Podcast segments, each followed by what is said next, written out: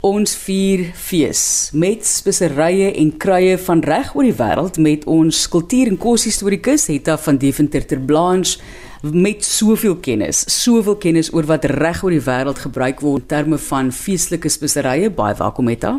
Dankie Martie, dit is altyd so lekker om by jou te kuier. Ons gaan hom wyd vandag, hoor. Dis nogal wyd. Dis nie net Europa nie, ons gaan al die pad Asië toe ook en al wat 'n ding is. Ja, nee, definitief. Ek dink in omtrent alle Christelike lande of gemeenskappe eh, is Kersfees iets spesiaals. En selfs daar waar dit nie oorwegend Christelike uh, gemeenskappe is, die word Kersfees nog steeds op 'n sekere manier gevier. Jy weet, jy kan net in die winkel instap en dan sien jy alles is oorlaai met eetgoed. Ek dink dis die een groot kenmerk van Kersfees is dat daar hierdie amper frenetiese ge, uh, gebak in 'n uh, jy weet 'n voorafbereiding is en dit kom natuurlik ook ons ouer tradisies vanaf. Jy weet ek ek dink onmiddellik my ouma ma altyd koekies gebak het. Ek dink ons het al daaroor gepraat. Het, ek ek dreig wel al vir weke om koekies te bak om dit in die huis aan te hou soos wat ander mense dit doen en dan word dan net gesê jy moet dit alles opeet. Ons gaan dit alles opeet. So nee, da, da, daarom nog nie koekies gebak nie, maar dit is regtig een van daai dinge wat 'n mens gekoester laat voel dink ek. Wat jou regtig laat voel jy's met vakansie en jy en weer eens iemand het vir jou genoeg omgegee om vir jou koekie te bak, tuisgebakte koekie. Dit is so, maar weet jy, dit is aan baie keer ook net makliker. Mens kry die wonderlikste verskeidenheid nou. Ja, ja. Ehm um, so baie keer koop mense dit, maar nou, mens moet ook nie skuldig voel as jy nie daarby uitkom nie. Maar weet jy, as ek nou ek dink nou aan boonbehalwe al die heerlike ehm um, spesery koekies wat mense dwars deur die wêreld kry, in Madeira bak hulle 'n heuningkoek, 'n bolo de mel wat 'n heerlike gis heuningkoek is met ook bietjie speserye, neute en sitrusskil in. Hulle hou eintlik daai koek. Die tradisie is om daai koek te hou wat enigiets wat oorbly dan eet hulle dit die volgende Kersdag.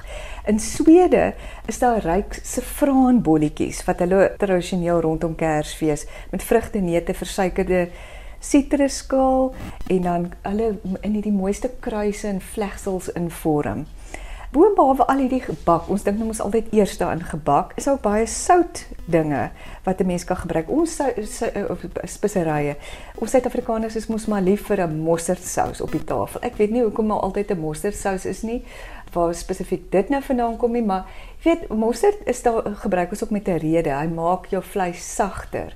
Boonbehalwe die die mosterd self, die asyn natuurlik werk op jou vleis om dit sagter te maak, die kollageenweefsel en dit af te breek. So jy kan of 'n droë mosterd gebruik of 'n slim nogal as val as jy wil braai of as jy nie al die geriewe het nie, maak jou nat mosterd met jou kruie en speserye mengsel aan en smeer dit bo-oor en dan kry jy daai lekker krakerige laagie bo-oor jou um, braai gereg. Ja, hy karamelliseer mooi en hy baie mense vat sommer mosterd jy kan nou Dijon gebruik of Engelse mosterd en smeer ja. jou stukkie filet daarmee, die besaas. Absoluut. Jy weet as jy nou ook dit het nie en jy sit nou langs die braaivleisvuur en jy dalk 'n pineappel, kan jy selfs 'n pineappel gebruik.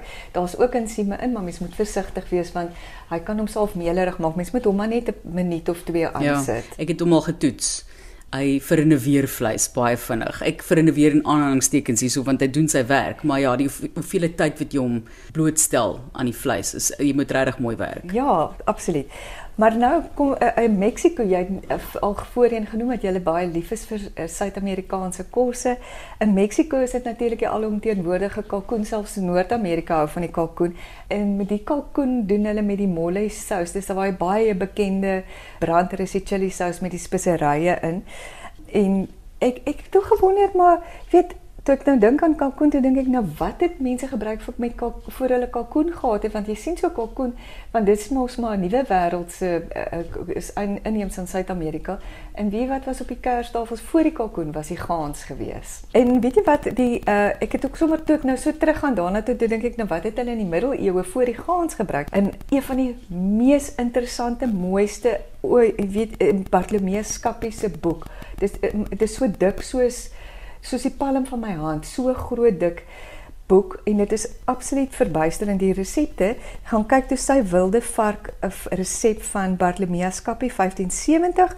Hy het gesê eie peper, kaneel, naaltjies, neutmuskaat, rosyne, suiker heeltemal onder water gedompel en dan moet jy hom so kook tot hy goed gaar is. Lieflik. En, en wille vark charcuterie is lieflik. Dis deesdae nog 'n groot tendens. Ja, en hulle het spesifiek die, die kop apart ingedra en op 'n spesiale liedjie het hulle dit ingedra. Mm, die arme kop. Moet ons nou regtig dit ook aanskou, ja, maar ja. Maar kom ons praat oor iets. In die Filippyne is dit 'n tradisie om 'n anysgegeede soet rys koekie op ou kers aan te bedien. So daar's nou vir jou ietsie heeltemal meer gesofistikeerd as die, van die wille vark af.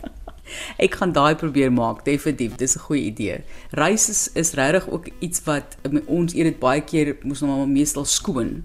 Maar jene, ek meen mense moet begin speel met speserye in rys wanneer jy dit kook. Daar's eintlik so baie wat jy daarmee kan doen wat dit heerlik maak. Ek dink ons moet dit in die nuwe jaar nota maak en dan speel ons 'n bietjie met 'n speserye in rys. Dit klink nou dit asseblief. 'n insetsel, ja. En weet jy wat? IJsland. Ek was nou nog self nooit in IJsland nie maar ek het gelees ehm um, hulle is baie lief om hulle eie wilde voël te gaan skiet. Dit is blykbaar die kers um, tafelgereg. Hulle noem dit 'n parmesan. Jy weet jy spel hom eintlik met 'n P, maar jy spreek hom met 'n T uit en die word dan met 'n speserykool en die speserykool is gemmer, kaneel, naaltjies en suiker word hierdie wilde. Dis eintlik hy lyk soos 'n duif. Hy word dan nou maar gaar gestowe en dan word hy met die speserykool en dit is nou as jy nou 'n IJslander is blykbaar die gereg op die kerstafel. Goed IJslanders, um, as iemand weet ek gaan maar daarso inloer by Marike Massin wat tans daar werk of waar vra sel die al die gereg geëet het. Daai is 'n baie interessante een. Ek sit natuurlik en dink aan versante en daai tipe van van voels sit mense ook vroeër jare baie gekry het. Jy moet hom natuurlik reg kook. Kool is ook 'n interessante tema kimchi. Ons kan daaroor ook eendag 'n bietjie praat. Daai is mos so 'n fantastiese gefermenteerde opsie wat goed is vir jou maag. Etta van die Verter Blanche is ons kos en kultuur historikus en sy vat ons elke Vrydag op ons 360 speseryroete en vandag was dit Kersspeserye van die wêreld.